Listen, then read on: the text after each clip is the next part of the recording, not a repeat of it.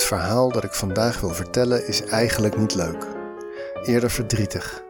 Ik heb er ook over getwijfeld of ik het wel moest vertellen, omdat het op een bepaalde manier vermaak om iemands gebrek is. Maar daar zit ook wel een waarschuwing in en de betrokken personen zijn alweer lang dood, dus ik denk dat het wel kan. En misschien, heel misschien, is er ook wel iets positiefs uit te halen. Hier is aflevering 65 van Nooit Geweten.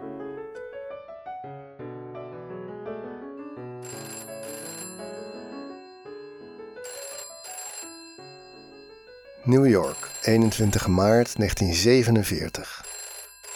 Een anonieme man belt de politie, noemt zichzelf Charles Smith en zegt dat er een dood lichaam zou liggen in het pand op Fifth Avenue 2078. Dat is op de hoek met de 128ste straat midden in Harlem, een paar blokken van het nu beroemde Apollo Theater. Er zou een geur van rotting hangen. Dat pand kende de politie wel. Dat was het pand van de gebroeders Collier, Homer en Langley. Daarover kregen ze regelmatig telefoontjes van omwonenden. Het was een raar stel dat daar woonde. Twee oude broers die het reusachtige hoekpand al decennia bewoonden en het helemaal volgepakt hadden met spullen. De voordeur was gebarricadeerd met afval. Alle andere deuren trouwens ook.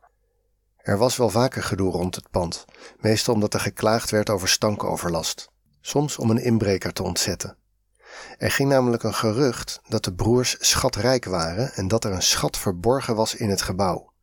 Dat trok schatzoekers aan, die zich een weg baanden door de opgestapelde boeken, kranten en spullen, door de gangen en tunnels die de broers hadden gemaakt. Maar de broers hadden op allerlei plekken valstrikken aangebracht. Eén stap verkeerd en je werd bedolven onder het afval. Maar goed, een melding van een sterfgeval, daar kan je als politie en brandweer niet je schouders over ophalen, dus trad een reddingsteam van zeven man aan om het pand te betreden. De deur werd opengebroken, maar daarachter vonden ze geen doorgang, maar spullen en afval tot aan het plafond.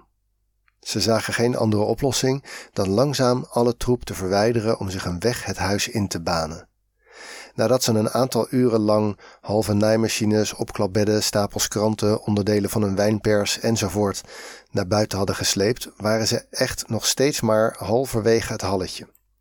Uiteindelijk werd een betere ingang gevonden door met een ladder via een raam op de tweede verdieping naar binnen te gaan. Ook die ruimte was helemaal tot het plafond volgepakt met spullen. Na nog eens vijf uur ontruimen werd in een klein kamertje inderdaad een tragische ontdekking gedaan. In een stoel, omringd door dozen en stapels die reikten tot het plafond, werd het dode lichaam aangetroffen van Homer Collier, de oudste van de twee broers. Volgens de patholoog-anatoom was hij nog maar tien uur dood. Verder bleek hij al dagenlang niet gegeten te hebben.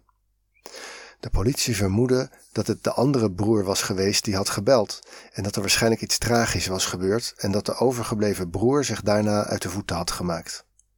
Een spannend verhaal waar de pers van smulde. Er werd een grote klopjacht opgezet. Hoe die afliep, daar kom ik zo op terug. Eerst even over hoe het zover had kunnen komen. Wat was er misgegaan met de broers? Hoe kon het zo erg worden dat nu nog steeds, 75 jaar later, de brandweer in het oosten van de Verenigde Staten een gevaarlijke situatie in een volgepakt huis van hoorders aanduidt als een Collier Mansion?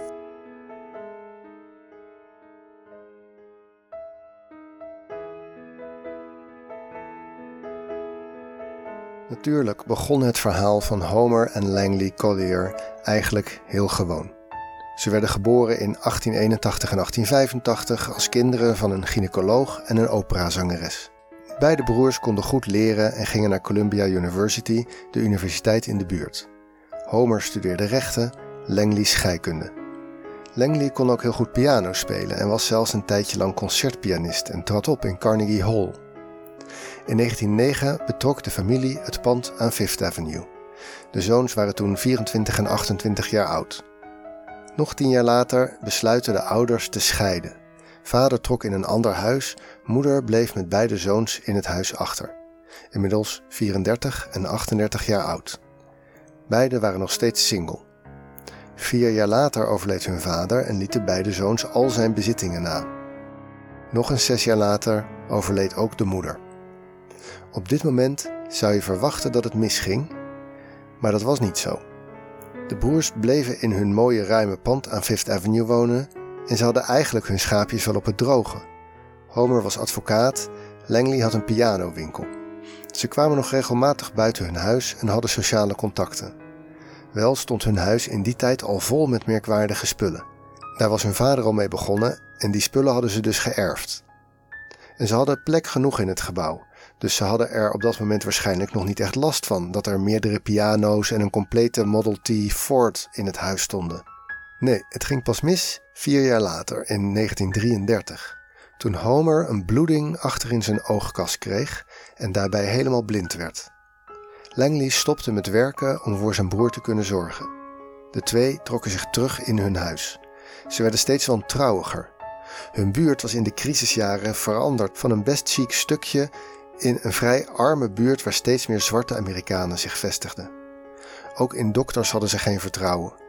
In interviews vertelde Langley dat ze gewoon met rust gelaten wilden worden en dat ze bang waren dat een dokter Homer's ogen zou willen opereren en het alleen maar erger zou maken. Bovendien zei hij tegen de reporter: Je moet niet vergeten dat we kinderen van een arts zijn. We hebben een medische bibliotheek van 15.000 boeken in huis. Dus zorgde Langley voor zijn broer door hem te wassen, klassieke literatuur voor te lezen en piano voor hem te spelen. Ze probeerde Homer's blindheid te genezen met een regime van rust en dieet. Dat dieet bestond uit 100 sinaasappels per week en verder bruin brood met pindakaas. Verder begon hij kranten te verzamelen, zodat zijn broer, als hij eenmaal weer kon zien, het nieuws zou kunnen bijlezen. In de buurt gingen verhalen over het pand met de twee rijke gekken erin. Dat er daarbinnen grote hoeveelheden geld zouden liggen. En dat er achter de façade van armoedige rotzooi prachtig exotisch ingerichte schatkamers met juwelen zouden liggen. Wat oorzaak was en wat gevolg is niet duidelijk, maar Langley begon hun huis tot een soort fort om te bouwen. Met gebarricadeerde deuren en ramen, tunnels waardoor je moest kruipen en booby traps als je een verkeerde tunnel nam. Als hij het pand zelf verliet, deed hij dat s'nachts via een raampje aan de achterkant met een ladder. Hij droeg altijd armoedige kleren, volgens eigen zeggen omdat hij anders in die buurt meteen beroofd zou worden. In die tijd stopten ze ook met het betalen van rekeningen voor water, gas en elektriciteit. Onderhoud werd al jaren niet meer aan het pand gedaan. En dan duurt het dus niet lang voor je wordt afgesloten. Dus Langley haalde water bij een pomp in een naburig park. Ook sleutelde hij jarenlang aan de theefort die ze in huis hadden om hem zo om te bouwen dat ze er elektriciteit mee konden opwekken. De enige verwarming die ze nog hadden was een kleine kerosinekachel. De brandstof daarvoor moet hij ook op zijn nachtelijke tochten bij elkaar gescharreld hebben. De afkeer van de omgeving, het naar binnen gekeerde, zou bij veel mensen niet gelukt zijn. Die zouden misschien uit hun huis gezet zijn, of ze zouden geen geld hebben gehad om kerosine en sinaasappels te kopen, en dan had op een gegeven moment de wal het schip gekeerd. Maar de Colliers hadden geld, een groot afbetaald huis, en ze konden deze situatie dus volhouden tot het eind.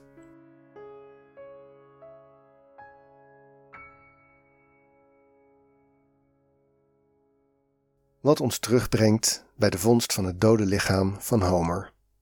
De politie ging ervan uit dat er een ongeluk was gebeurd en dat Langley in paniek was gevlucht en daarna had opgebeld onder een andere naam. Dus werd een klopjacht georganiseerd om Langley te vinden. De verwaarloosde oude man zou toch moeten opvallen. Maar hij werd niet gevonden. Vervolgens dacht men dat hij vast zou komen opdagen bij de begrafenis van zijn broer, dus die werd uitgebreid aangekondigd. Maar ook daar liet Langley zich niet zien. Langzamerhand werd het hele pand leeggehaald. Steeds meer curieuze voorwerpen kwamen er buiten. Wat opvalt in de kranten uit die periode is dat bij interviews met buurtbewoners iedereen heel vriendelijk over de broers blijft. Langley wordt stevast beschreven als een vriendelijke, maar schuwe gentleman met een zachte stem. Maar natuurlijk wel gek.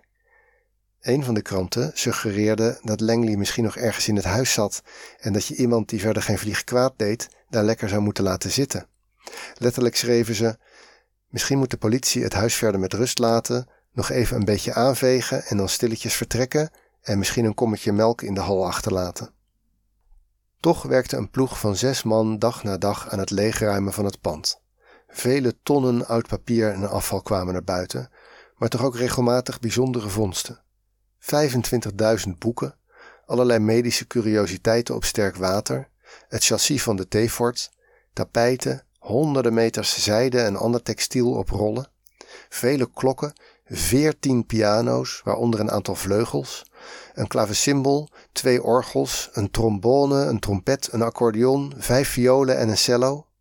En ook duizenden flessen en blikjes met eten. En in totaal 34 bankboekjes. Niet met fortuinen erop, maar wel geld. Pas 16 dagen na de vondst van Homer kwamen de ontruimers toe aan een kamer waar ze meteen al een nare lucht roken. Toen ze begonnen te graven in het afval, vonden ze al snel het dode lichaam van Langley. Hij bleek al minstens een maand dood te zijn, bedolven onder papier en spullen. Hij lag uiteindelijk maar op drie meter afstand van Homer. Waarschijnlijk kroop hij door de 50 centimeter brede tunnel om eten naar zijn broer te brengen, toen hij per ongeluk een van zijn eigen valstrikken in werking zette. Hij kwam door verstikking om het leven, zijn broer was daarna ten dode opgeschreven. Een tragisch verhaal en een naar einde. Toch zou ik er nog iets positiefs uit willen halen. Homer en Langley waren helemaal niet zo uitzonderlijk. Heel veel mensen raken op een gegeven moment de controle kwijt over wat nuttig is om te bewaren en wat niet. Verzamelstoornis staat tegenwoordig in de diagnosegids DSM-5. Het is onderdeel van het obsessief-compulsieve spectrum en in lichte mate hebben best veel mensen dat. Soms zit er een trauma onder van schaarste, soms lijkt het gewoon persoonlijkheid. En het kan geen kwaad om dat soort mensen te helpen met die drang tot bewaren onder controle te houden. Maar wat mij opviel in de oorspronkelijke krantenartikelen en interviews rond het Collier Mansion was dat de meeste meningen eigenlijk behoorlijk veel compassie uitstraalden. Veel omwonenden vonden het twee lieve oude mensen die geen vlieg kwaad deden. En tot op zekere hoogte was dat ook zo. En de overgave waarmee Langley voor zijn broer zorgde toen die zijn zicht kwijtraakte, is eigenlijk ook wel aandoenlijk.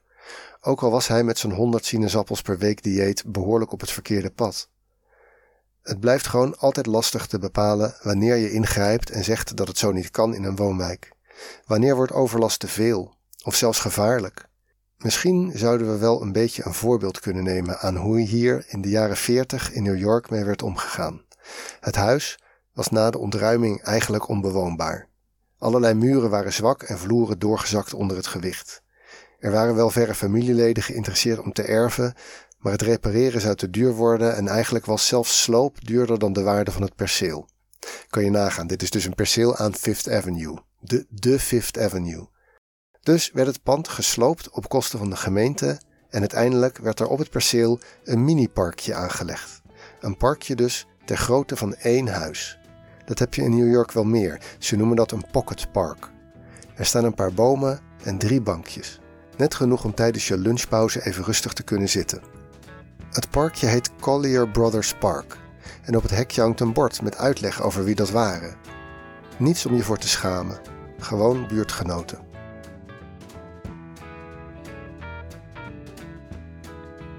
Dit was aflevering 65 van Nooit Geweten. Ik hoorde over de gebroeders Collier van Selena van Hesteren.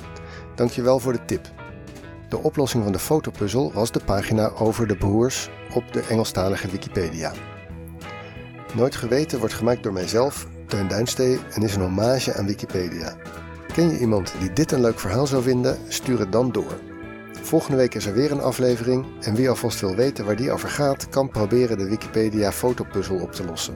Die vind je in de show notes. Bedankt voor het luisteren en tot de volgende week.